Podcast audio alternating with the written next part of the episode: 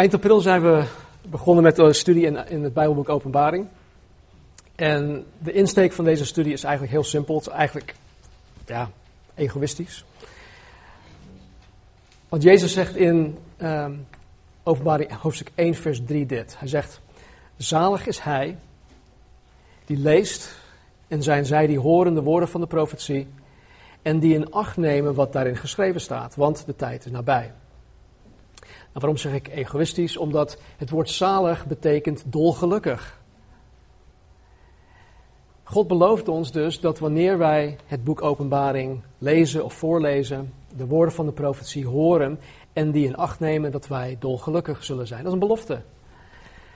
Dus nogmaals, vanuit mijn eigen egoïstische manier van denken is dit voor mij al reden genoeg om het Bijbelboek Openbaring te willen bestuderen. Want ik denk dat dit ook voor jullie geldt. Ik wil gewoon dolgelukkig zijn. Jullie niet? Ja? Ja, ja, oké, goed. Nou, even om te voorkomen dat wij door de bomen het bos niet meer zien, wil ik vanmorgen uh, peilen waar we in het boek Openbaring momenteel bezig zijn. De schrijver Johannes die heeft uh, ons in, in Openbaring 1 vers 19 een outline gegeven, oftewel een korte opgave van hoe het boek is ingedeeld.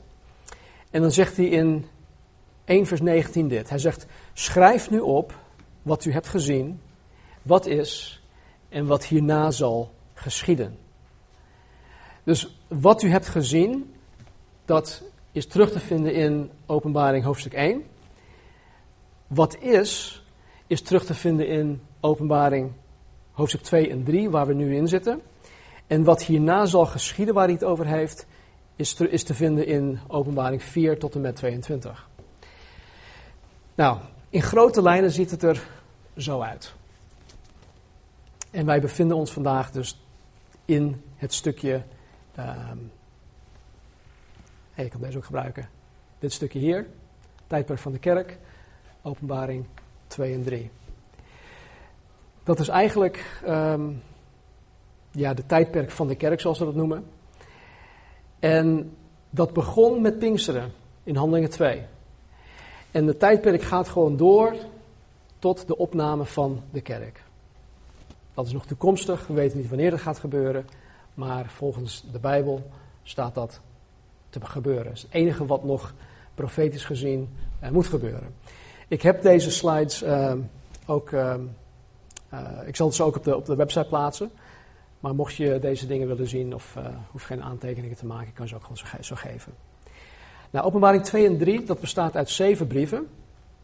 Uh, de zeven brieven van Jezus Christus die hij aan zeven verschillende kerken stuurt. En uh, de eerste vier brieven hebben we reeds uh, gehad. En vanmorgen beginnen wij met de vijfde brief. En dat is de brief aan de kerk in Sardes. En Sardes is, ehm, wordt daar een geel aangegeven. Het is de vierde kerk. Wat ik voorheen niet had gezegd is dat dit echt een, een postroute was. Het begon dus post, begon in e- Efeze, Smyrna, Pergamum, Thyatira. En zo ging hij, de postbode ging dan die ronde maken. En dat was ook de meest logische manier om dat te, te bewandelen. Nou, mocht je één of. Dankjewel, Ralf. nou, mocht je één of meerdere studies gemist hebben, uh, dan kan je ze alsnog via de website beluisteren. Je kan ze ook gratis downloaden. Je kan ze op je computer uh, plaatsen. Je kan ze op je mobiele device plaatsen. Dus overal waar je naartoe gaat, kan je het meenemen. Laten we nu onze Bijbels openslaan op uh, Openbaring 3 en dan vanaf vers 1. Openbaring 3, vers 1. En schrijf aan de engel van de gemeente in Sardes: Dit zegt hij die de zeven geesten van God heeft en de zeven sterren. Ik ken uw werken en weet dat u de naam hebt dat u leeft, maar u bent dood. Wees waakzaam en versterk het overige dat dreigt te sterven, want ik heb uw werken niet vol bevonden voor God. Bedenk dan hoe u het hebt ontvangen en gehoord. En houd het vast en bekeer u. Als u dan niet waakzaam bent, zal ik bij u komen als een dief en u zult beslist niet weten op welk uur ik bij u zal komen. Maar u hebt het ook in Sardes, maar u hebt ook in Sardes enkele personen die hun kleren niet bevlekt hebben. En zij zullen met mij wandelen in witte kleren, omdat zij het waard zijn. Wie overwint, zal bekleed worden met witte kleren, en ik zal zijn naam beslist niet uitwissen uit het boek des levens. Maar ik zal zijn naam beleiden voor mijn vader en voor zijn engelen. Wie oren heeft, laat hij horen wat de geest tegen de gemeenten zegt. Nou, Sardis was de hoofdstad van dit hele gebied.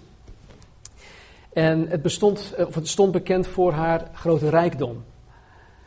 Elke stad had weer een eigenlijk eigen ja, ding waar ze bekend voor stonden. En, en zij stonden echt bekend voor haar rijkdom. Het was een strategisch knooppunt waar handelaren en karavanen doorheen trokken. En dit bracht een hoop handel met zich mee en tenslotte bracht het ook een hoop rijkdom met zich mee. Ook de, de wol- en tapijtverfindustrie uh, die in de stad gelegen was, vormde een, een bron van inkomsten en een bron van rijkdom. Maar toch was de belangrijkste bron van rijkdom um, waarschijnlijk te wijden aan het goud dat in een bepaalde rivier, dat heet de Pactolus-rivier, dat uit die rivier gewonnen, gewonnen werd.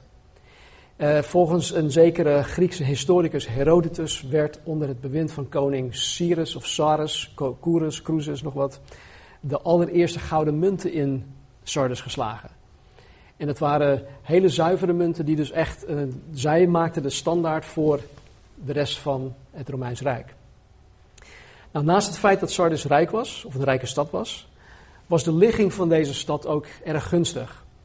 Uh, het lag aan de voet van een, uh, van een berg, berg Tmolos, en het was dusdanig gepositioneerd of geplaatst dat men het als onneembaar achtte.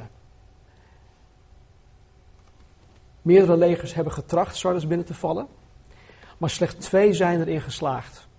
Twee legers zijn erin geslaagd om de stad binnen te vallen. Dat waren de Grieken en de Perzen. En het, het, het bijzondere hiervan is dat de manier waarop zij erin geslaagd waren, was niet door grof geweld, maar door sluwheid. Ze waren heel sluw in hoe zij de stad binnenvielen. Maar daar kom ik zo meteen wel op terug. Nou, zoals het in die tijd eraan toe ging, was er ook de nodige afgodendienst. dat zien we in elke stad weer terug. En ook woonden er veel Joden in deze stad, Sardes. Er was zelfs een hele grote synagoge daar aanwezig. En midden in deze samenleving dan was er een kerk van Jezus Christus. We weten niet precies wie deze kerk heeft gesticht, maar uit Handelingen 19 zien wij of weten wij dat uh, er een grote opwekking was in de stad Efeze en vanuit Efeze heel Azië of Klein-Azië het woord van God heeft ontvangen. Er staat letterlijk dat allen in Klein-Azië het evangelie hebben gehoord. Dus hoogstwaarschijnlijk is de kerk in Sardis gestart vanuit deze opwekking in Efeze. Maar nu, zo'n 40 jaar nadat deze kerk gesticht werd, stuurt Jezus deze brief aan deze kerk. Het is nog maar 40 jaar oud. Schrijf aan de engel van de gemeente in Sardis. Dit zegt hij die de zeven geesten van God heeft en de zeven sterren. Ik ken uw werken en weet dat u de naam hebt dat u leeft, maar u bent dood. Nou, wederom richt Jezus de brief aan de engel. dat was de angeloos, de voorganger of de oudste van de leider van deze gemeente.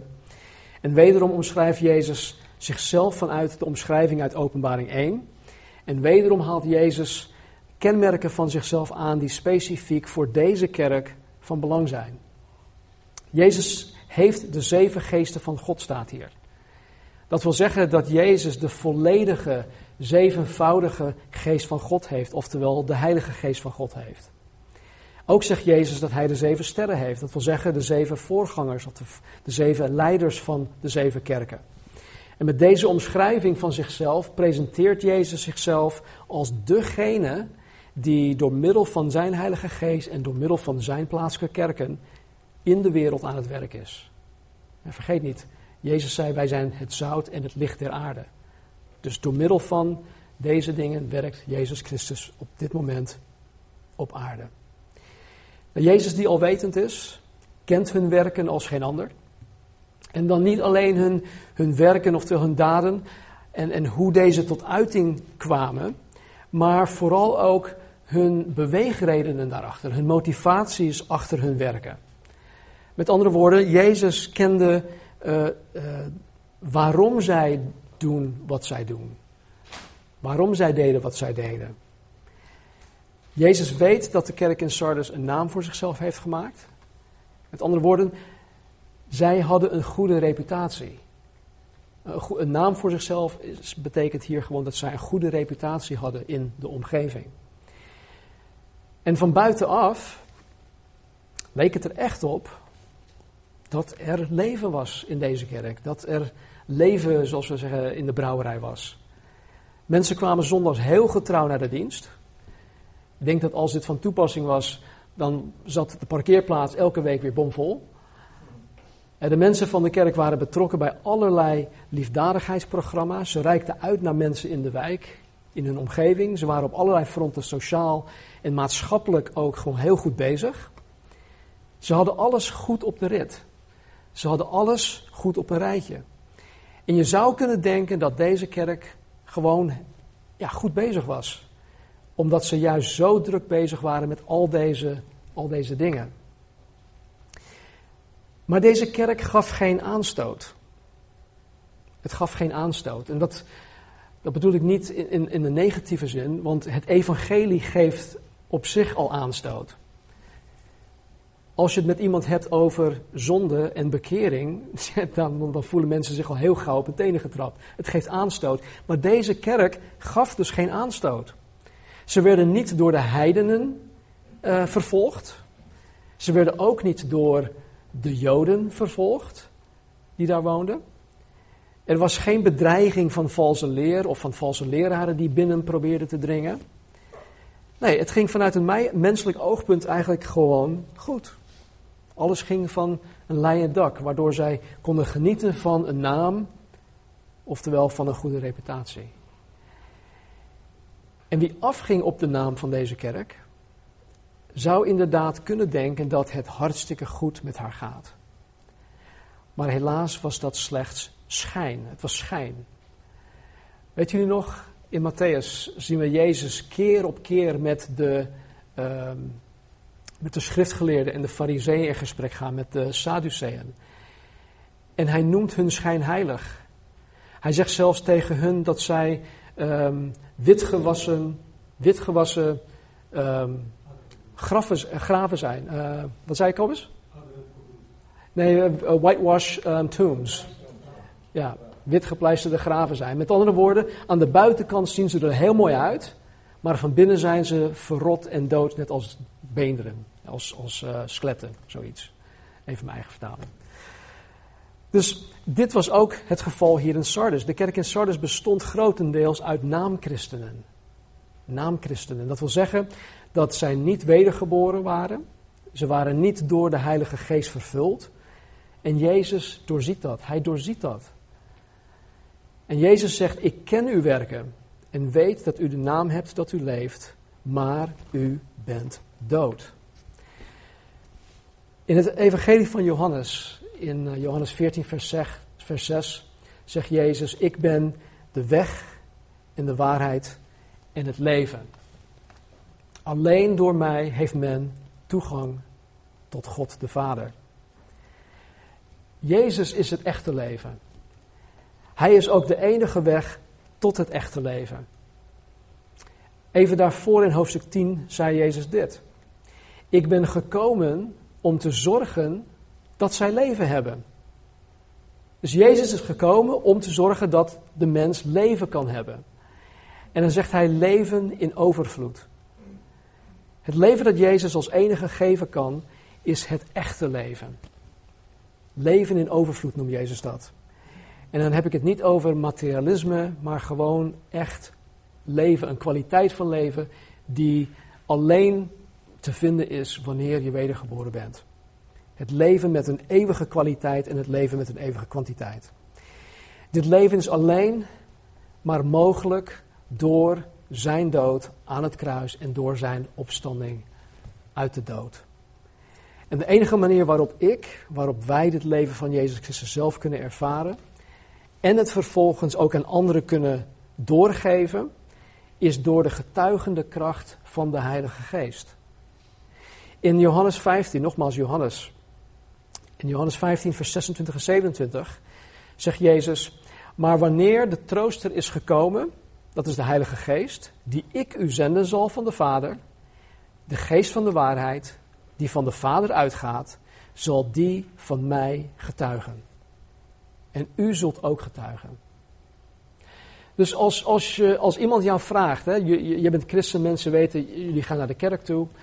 En ze hebben een vraag, iemand die totaal niets van het christelijk geloof afweet. Joh, wie is de Heilige Geest nou eigenlijk? Wat, wat doet hij? Wat is zijn hoofdtaak? Nou, Jezus zegt dat de hoofdtaak van de Heilige Geest is om van Jezus Christus in de wereld te getuigen. Dat is de hoofdtaak. Hij doet veel meer, maar dat is primair de taak van de Heilige Geest. En ook zullen wij getuigen, zegt Jezus. In Handelingen 1, vers 8, net voordat Jezus terugvoer naar de hemel, zegt hij dit tegen zijn discipelen. U zult de kracht van de Heilige Geest ontvangen die over u komen zal en u zult mijn getuigen zijn. Dus wat hij in Johannes zei, en ook u zult getuigen, dat zegt hij weer hier in, in uh, Handelingen hoofdstuk 1. En met Pinksteren, wanneer de gemeente geboren is, is dat ook daadwerkelijk uh, realiteit. Dus door middel van mijn levende re uh, relatie met Jezus, bekrachtigd door de Heilige Geest, ben ik een levende getuige van Jezus Christus. Toen de apostel Paulus het evangelie met de Corinthiërs deelde, getuigde hij van Jezus Christus in de kracht van de Heilige Geest. De Corinthiërs ontvingen het ook als zodanig. En hij zegt dit tegen hun in 1 Korinthe 2, vers 1 tot 5.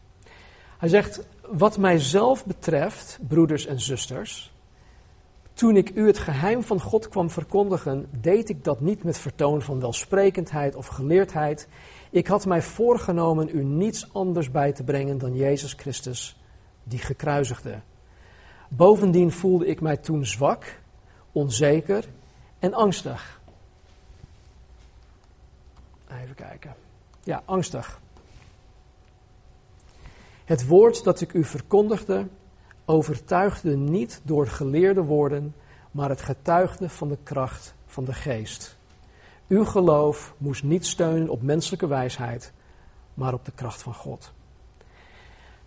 Kijk, de reden waarom ik dit zo benadruk, is omdat Jezus ons gered heeft om één, met Hem een persoonlijke relatie te hebben, waardoor wij in staat zijn om Zijn leven aan anderen door te geven. Kijk, het is hartstikke fijn dat ik voor mezelf een christen ben. Ik heb daar heel veel baat bij. Er zijn heel veel benefits. Maar vanuit het oogpunt van God heeft God Jezus Christus niet alleen gezonden voor mij, voor mij. Nee, hij heeft daar een groter doel mee. Hij heeft mij gered zodat ik een instrument kan zijn in zijn handen om anderen weer te redden.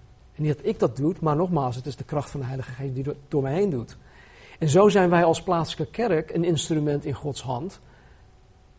Een levend instrument in Gods hand, waardoor Hij anderen wil gaan bereiken. En dit was juist het probleem met de kerk in Sardis. Zij hadden een naam dat ze leefden, maar ze waren geestelijk dood. De kerk in Sardis was haar getuigenis kwijt.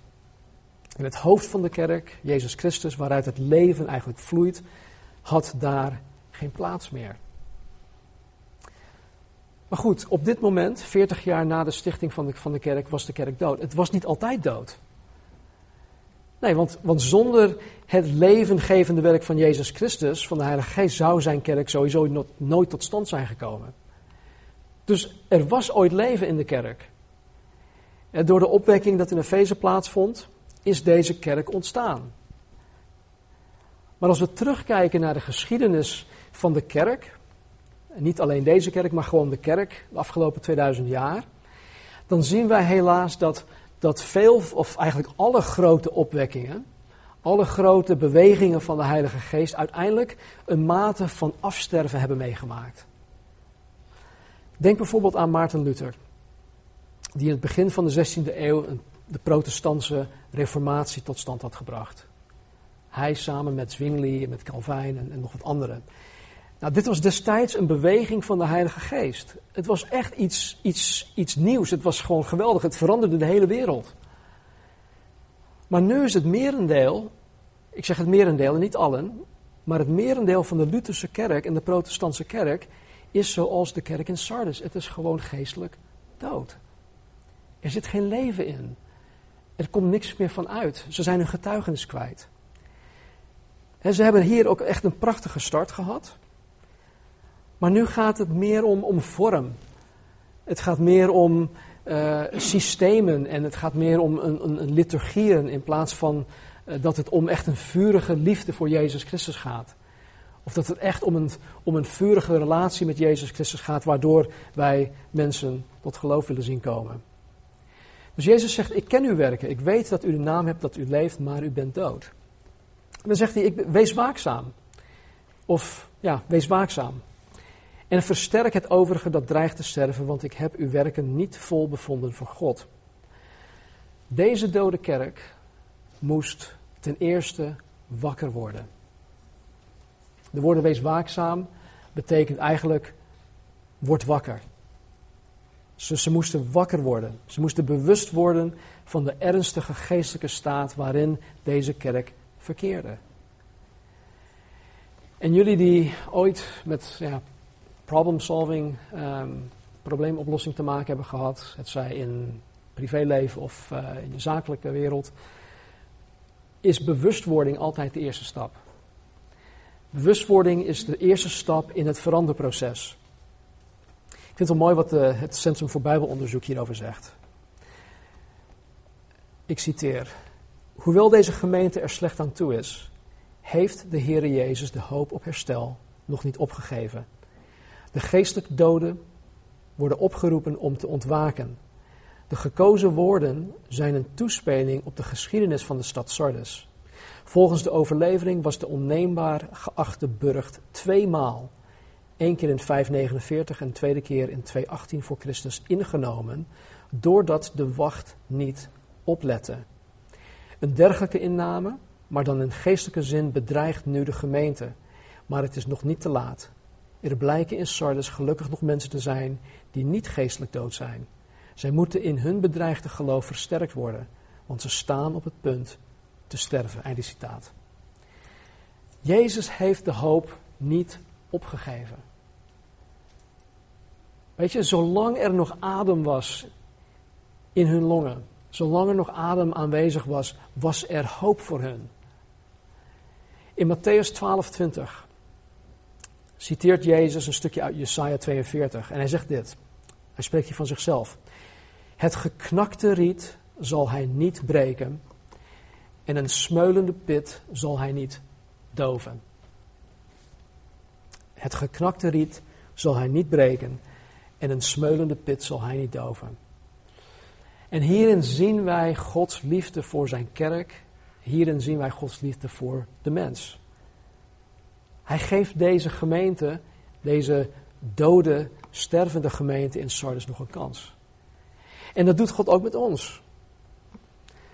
Sommigen van ons moeten wakker worden. Sommigen van ons moeten ontwaken. Wij moeten bewust worden van de ernstige staat van ons geestelijk welzijn. En zolang er nog adem in je longen aanwezig is, is er hoop voor jou. En is God bereid om jou te helpen. De oproep is dus dit. Versterk het overige dat dreigt te sterven, want ik heb uw werken niet vol bevonden voor God. Jezus roept deze kerk op om het klein beetje geestelijk leven wat ze nog hebben te gaan versterken. Al is het maar zo klein, al ziet niemand anders het. God ziet het. En dat wat er is, wil God gaan versterken. En de reden waarom is omdat ja, Jezus hun werken ziet. En hoe goed deze ook vanuit het menselijk oogpunt eruit zagen. Ze waren niet um, conform Gods maatstaven. Met andere woorden, ondanks dat wij misschien hun werken goed hadden gekeurd, van jongens, jullie doen het echt super, zag God vanuit zijn oogpunt, volgens zijn maatstaven, dat zij het juist niet goed deden. Kijk, misschien had deze kerk heel veel liefdadigheidswerk gedaan.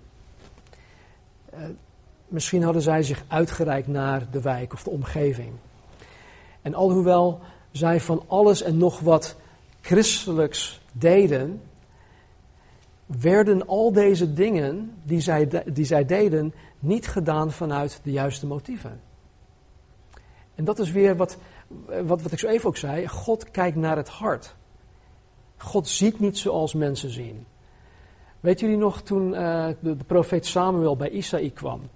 Met de opdracht om een van de zonen van Isaïe als koning te zalven, want dat was de opvolger van koning Saul. Nou, wat gebeurde er? Isaïe die bracht zijn zonen voor, uh, voor, voor Samuel. Nou, de eerste die Samuel zag, dat, nou, dat was zo'n kerel, brede schouders, echt een knappe vent. En, uh, en, Samuel zegt, nou, nou dat, dat is hem gewoon. Hij is het. Nou, die andere hoef, hoef ik niet eens meer te zien. Hij is het gewoon. En wat zegt God tegen Samuel? Samuel, ik kijk niet naar de dingen die jij, waar jij naar kijkt. Ik kijk naar het hart. En ook, ook hier in deze gemeente in Sardis keek God, keek Jezus naar het hart. Dus de motivaties, de beweegredenen waarom zij de dingen deden die zij deden, die waren niet goed, die waren niet juist. En het is, het is gewoon mogelijk, en dit, dit vind ik best wel schrikbarend, maar het is mogelijk om heel druk, tussen aanhalingstekens, voor de Here bezig te zijn, zonder dat je het per se voor de Here doet. Ja, het is mogelijk dat je heel druk bezig bent voor de Here, zonder dat je echt voor de Here bezig bent. Ik moet me continu afvragen, en ik, ik denk dat het ook goed is als jullie dit doen. En want als je op dit moment in je leven iets voor de Here doet, vraag jezelf biddend af of je het daadwerkelijk voor Gods eer en glorie doet, of dat je daar een andere beweegreden voor hebt. En soms is het zo dat we onszelf misleiden daarin. het kan zijn dat ik met heel veel oprechtheid de Heer wil dienen en doe en dingen doe, maar dat er toch een stukje van mezelf erin zit. Het kan zijn dat, oké, ik vind mijn eigen waarde in wat ik doe voor de Heer. Of ik heb een psychologische nood en, en die vervuld moet worden en daarom doe ik dit voor de Heer. Maar dan doe je het niet voor de Heer, want je doet het eigenlijk voor jezelf. Dus het is heel, het is heel misleidend. Het is, het is soms ook heel erg moeilijk om te zien of je het nu wel of niet voor God doet. En daarom horen wij altijd aan God te vragen: Heere, help mij te zien of ik dit echt voor uw eer en uw glorie doe, of dat daar andere beweegredenen voor zijn. Een van de redenen waarom de kerk in Sardis door Jezus als dood verklaard werd, was omdat zij hun werken niet vanuit de juiste motivaties of vanuit de juiste beweegredenen deden. Christus en de verheerlijking van Christus was niet hun hoogste doel. Het was niet zoals Paulus in 2 Korinthe 5 zegt dat de liefde van Christus hen motiveerde. Toen wij uh, de laatste keer in, uh, in onze biblical counseling uh, sessies waren, toen hadden we een opdracht gekregen om 25 Bijbelversen op te zoeken. En we waren verdeeld in vijf groepjes. Ieder groepje moest vijf Bijbelversen uitzoeken. Nou, we hadden die Bijbelversen voorgelezen. En wat in elk Bijbelvers terugkwam, was dat wanneer wij iets doen, dat wij het voor de eer en glorie van God worden te doen. Dus als het zo vaak in de Bijbel terugkomt, dan moeten wij daar attent op zijn. Dan moeten we daarop letten. Dat het iets is wat ons hoort te motiveren en niet iets anders, wat het ook mag zijn. Kijk, omdat de kerk in Sardis het niet vanuit de juiste motivatie deed, of vanuit de juiste beweegredenen deden, werden hun werken ook niet door de kracht van de Heilige Geest verricht. De Heilige Geest zal nooit mijn werken in het vlees bekrachtigen. Als ik iets onderneem uit mijn eigen wil of dat ik mijn eigen zin wil doordrammen, dan zegt de Heilige Geest: Weet je, ga jij, ga jij je gang maar. Ik doe daar niet in mee. Dus de dingen die zij deden, die werden, die werden niet door de Heilige Geest verricht en ook niet bekrachtigd. En alle werken die in de kerk vanuit het vlees verricht worden, acht Jezus als dode werken. Of uit deze kerk dan. Niet deze, maar in. Dus door deze kerk op te roepen, om het overige uh, dat dreigt te sterven, te gaan versterken, zegt Jezus dat zij weer terug moeten gaan naar de basics. Ze moeten teruggaan naar de beginselen. En ik denk dat het goed is, hè? dit is goed voor ons ook, want wanneer wij als christenen sluimeren, en dat doen wij allemaal, wanneer wij sluimeren, dan is het goed om allereerst wakker geschud te worden en vervolgens terug te gaan naar de beginselen. En dan zegt Jezus dit: Bedenk dan hoe u het hebt ontvangen en gehoord en houd het vast en bekeer u. Als u dan niet waakzaam bent, zal ik bij u komen als een dief en u zult beslist niet weten op welk uur ik bij u zal komen. Zoals de apostel Paulus tegen de Corinthiërs zei dat zij het evangelie in de kracht van de Heilige Geest hadden ontvangen, had ook de kerk in Sardes het evangelie in de kracht van de Heilige Geest ontvangen. Anders was er geen kerk. Ook de kerk in Galatië had het evangelie in de kracht van de Heilige Geest ontvangen. En ook deze kerk in Galatië dreigde om af te sterven. En kijk wat de apostel Paulus tegen deze kerk in Galatië zegt. Hij zegt, domme gelaten. Ja, dat zegt hij. Domme gelaten. Of dwaze gelaten. Wie heeft u behekst? Hoe kunt u zo dom zijn? U bent begonnen in de geest, wilt u nu eindigen met het vlees? Omdat de kerk in Sardes, zoals de kerk in Galatië, in de geest begonnen was, roept Jezus hun op om te bedenken hoe zij het ontvangen en gehoord hebben. Hoe zij het ontvangen en gehoord hebben. Weet je nog, Paulus zei tegen de Corinthiërs: Ik ben niet gekomen met, met welbespraaktheid of met mooie woorden of met een mooi praatje of met een mooi verhaaltje. Nee, ik ben gekomen, ik heb het evangelie gebracht, Jezus Christus en die gekruisigd in de kracht van de Heilige Geest. Het is door de Heilige Geest tot jullie gekomen, op die manier. En dan niet dat zij het hierbij zouden laten. Ze moeten niet bedenken hoe zij het hebben ontvangen en denken: oké, nou mooi, prijs de Heer, halleluja. Zo heb ik het ontvangen. Nee, ze horen het daar niet bij te laten, maar ze horen het ook vast te blijven houden. Kijk, wij mensen zijn meesterlijk in het verstandelijk beamen van dingen die de Heere door zijn woord tot ons spreekt. Toch? Wij zijn meesterlijk in het verstandelijk beamen van het woord van God. Helaas is het vaak zo dat wanneer de Heilige Geest door het lezen van de Bijbel of door een preek of door een gesprek, wanneer de Heilige Geest op die manier tot je spreekt, en je gaat er verstandelijk ook helemaal in, mee, je vervolgens onveranderd verder gaat. Dat, dat gebeurt vaker dan niet. Dat de Heilige Geest door zijn woord tot je spreekt en je zegt, ja, ik beaam dat, dat is helemaal waar. Maar vervolgens ga je onveranderd gewoon door. Je hebt zoiets van, joh, het is prima zo. Ik vind het zo wel oké. Ik hoef niet per se. Ik ben toch gered? Of whatever. En daarom zegt Jezus tegen de kerk in Sardis: houd het vast en wat? En bekeer u. Bekeer u. Het is niet genoeg om verstandelijk met het woord van God in te stemmen. Nee, wij moeten ons bekeren. Er moet een verandering van gedachten plaatsvinden. En er moet een wilsbesluit plaatsvinden om radicaal te gaan veranderen. Bedenk dan hoe u het hebt ontvangen en gehoord en houd het vast en bekeer u. Als u dan niet waakzaam bent of als u dan niet wakker wordt, zal ik bij u komen als een dief en u zult beslist niet weten op welk uur ik bij u zal komen.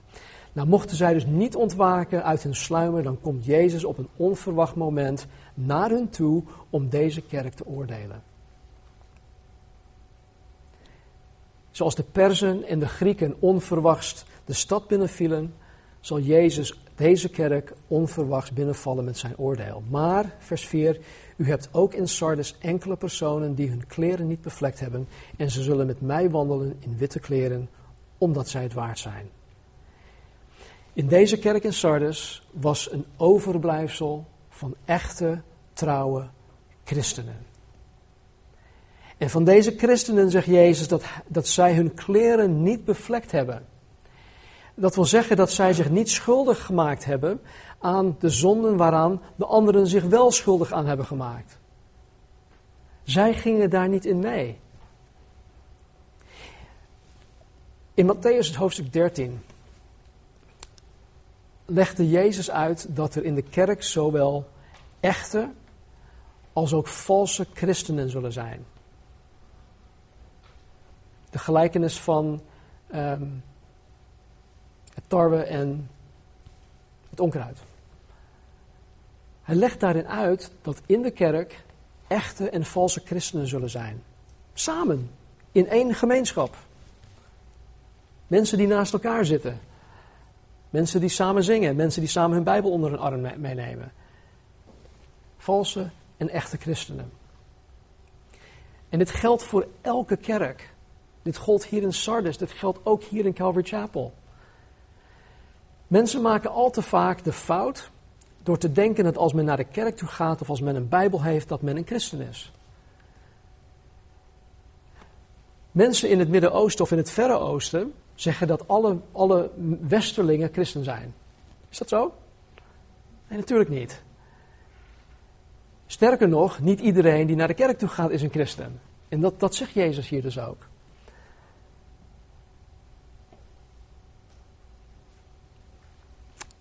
Doordat ik naar de kerk ga of al sta ik zelfs op een ledenlijst, betekent dat niet per se dat ik een echte christen ben. De dode kerk in Sardes zat vol van naamchristenen. Maar gelukkig was er ook nog een restant echte christenen aanwezig. En deze echte christenen zullen in een nauwe relatie met Jezus wandelen in witte kleren. In witte kleren. Dat wil zeggen, voor eeuwig rein en heilig met Jezus leven. En hij zegt dat ze waardig zijn. En ze zijn niet waardig omdat zij hun eigen redding hebben verdiend, maar omdat zij niets gedaan hebben waardoor zij de genade van God hebben verspeeld. Vijf, wie overwint, zal bekleed worden met witte kleren en ik zal zijn naam beslist niet uitwissen uit het boek des levens. Maar ik zal zijn naam beleiden voor mijn Vader en voor, mijn, en voor zijn engelen. Nogmaals noemt Jezus hier de witte kleren die spreken van heiligheid en reinheid. Ook blijkt uit openbaring 4, 6, 7 en ik denk 19 dat de witte kleren, oftewel het wordt witte gewaden genoemd, dat dat de hemelse kleding is. Dus we zullen allemaal straks witte gewaden dragen. Dus wie overwint, zal hemelse kleding te dragen krijgen. En dat betekent dat wie overwint het eeuwig leven zal krijgen. Weet je, de term overwinnaar, hè, sommige, in sommige kringen is dat echt iets gaaf. Van wij zijn meer dan overwinnaar. We zijn niet alleen overwinnaar, nee, wij zijn meer dan overwinnaar.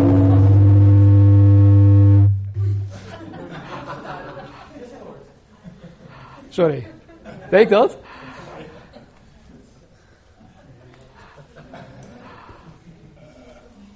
Maar Iemand die overwint, een overwinnaar, is geen superchristen. Er wordt onderscheid gemaakt in sommige kringen tussen een, ja, een nominale christen, een middelmatige christen en een overwinnaar.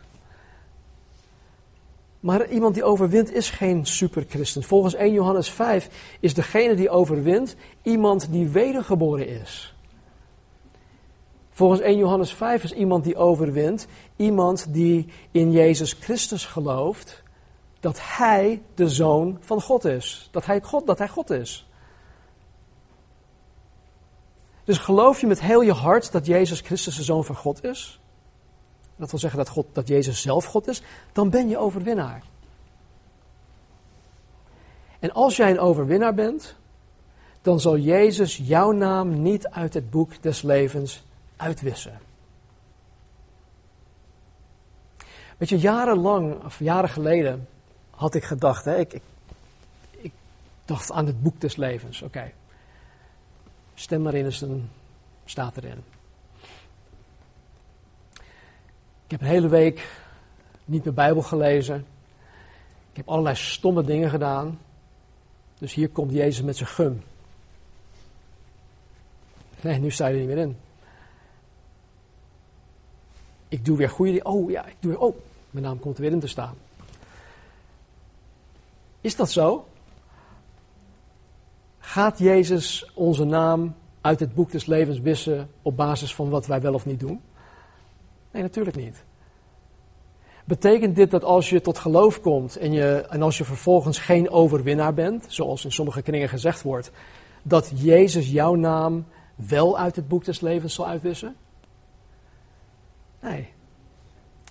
Kijk, dit is geen dreiging van Jezus. Jezus dreigt hier niet mee. Dit is juist een belofte aan de echte christen. Dit is een belofte aan de echte christen. Degene die in Jezus Christus gelooft en die daarna vrucht van draagt, heeft of ontvangt het eeuwig leven. Dus op basis hiervan is er geen enkele reden waarom jouw naam dus niet in het boek des levens zou staan.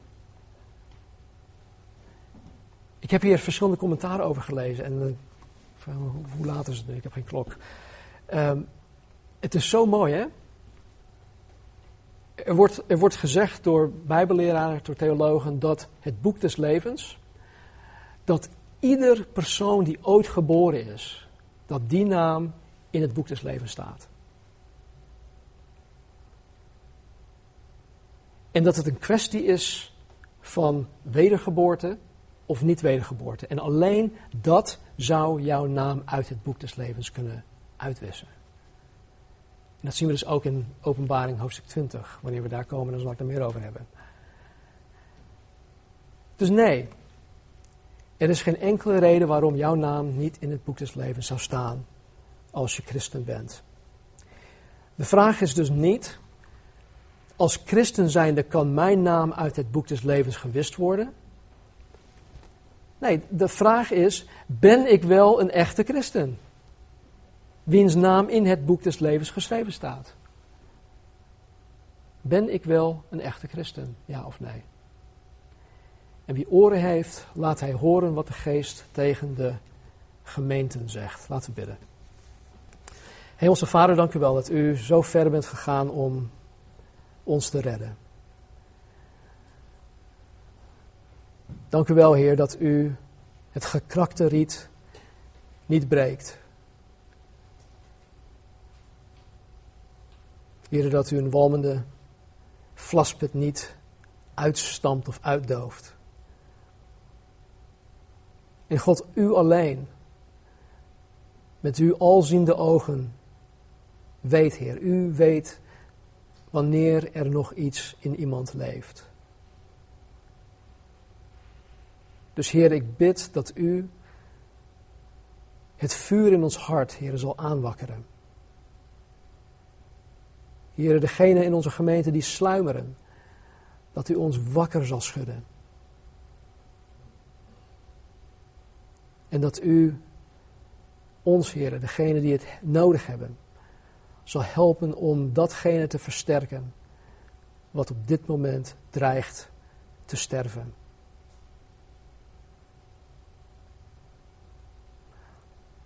Laat u alziende ogen, heren, een kijk nemen in ons leven, in ons hart. Doe als het ware een, een geestelijke MRI-scan van ons leven. En laat ons zien, heren, de plekken die afsterven, de plekken die dood zijn. Laat ons ook zien, heren, die plekken die nog vol leven zijn. En help ons, Heer, om die, die dingen in ons leven te versterken. Vergeef ons, Heer, waar wij onverschillig zijn geweest.